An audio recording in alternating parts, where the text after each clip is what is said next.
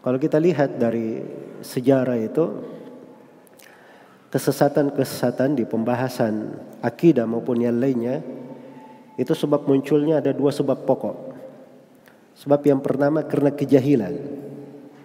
Jahil akan ilmu agama, kadang jahil akan makna secara bahasa dalam bahasa Arab. Iya. Jahil dalam makna bahasa Arab.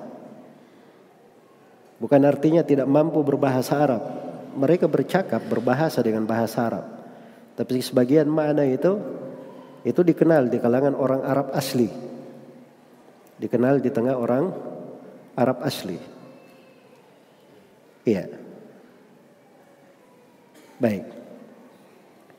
Jadi kejahilan secara bahasa ini ini yang menimbulkan berbagai macam kesesatan. Seperti akan datang nanti di pembahasan istiwa. Istiwa diartikan istaula itu kejahilan terhadap bahasa Arab dan kejahilan terhadap ilmu agama. Sebab tidak ada di dalam bahasa Arab istiwa bermana istaula. Ya. Dari kejahilan-kejahilan ini akhirnya lahirlah penyimpangan-penyimpangan. Dan sebab yang kedua adalah mengikuti hawa nafsu. Sebab yang kedua adalah mengikuti hawa nafsu. Dan ini dari sebab pokok lahirnya berbagai macam bidah dan penyimpangan.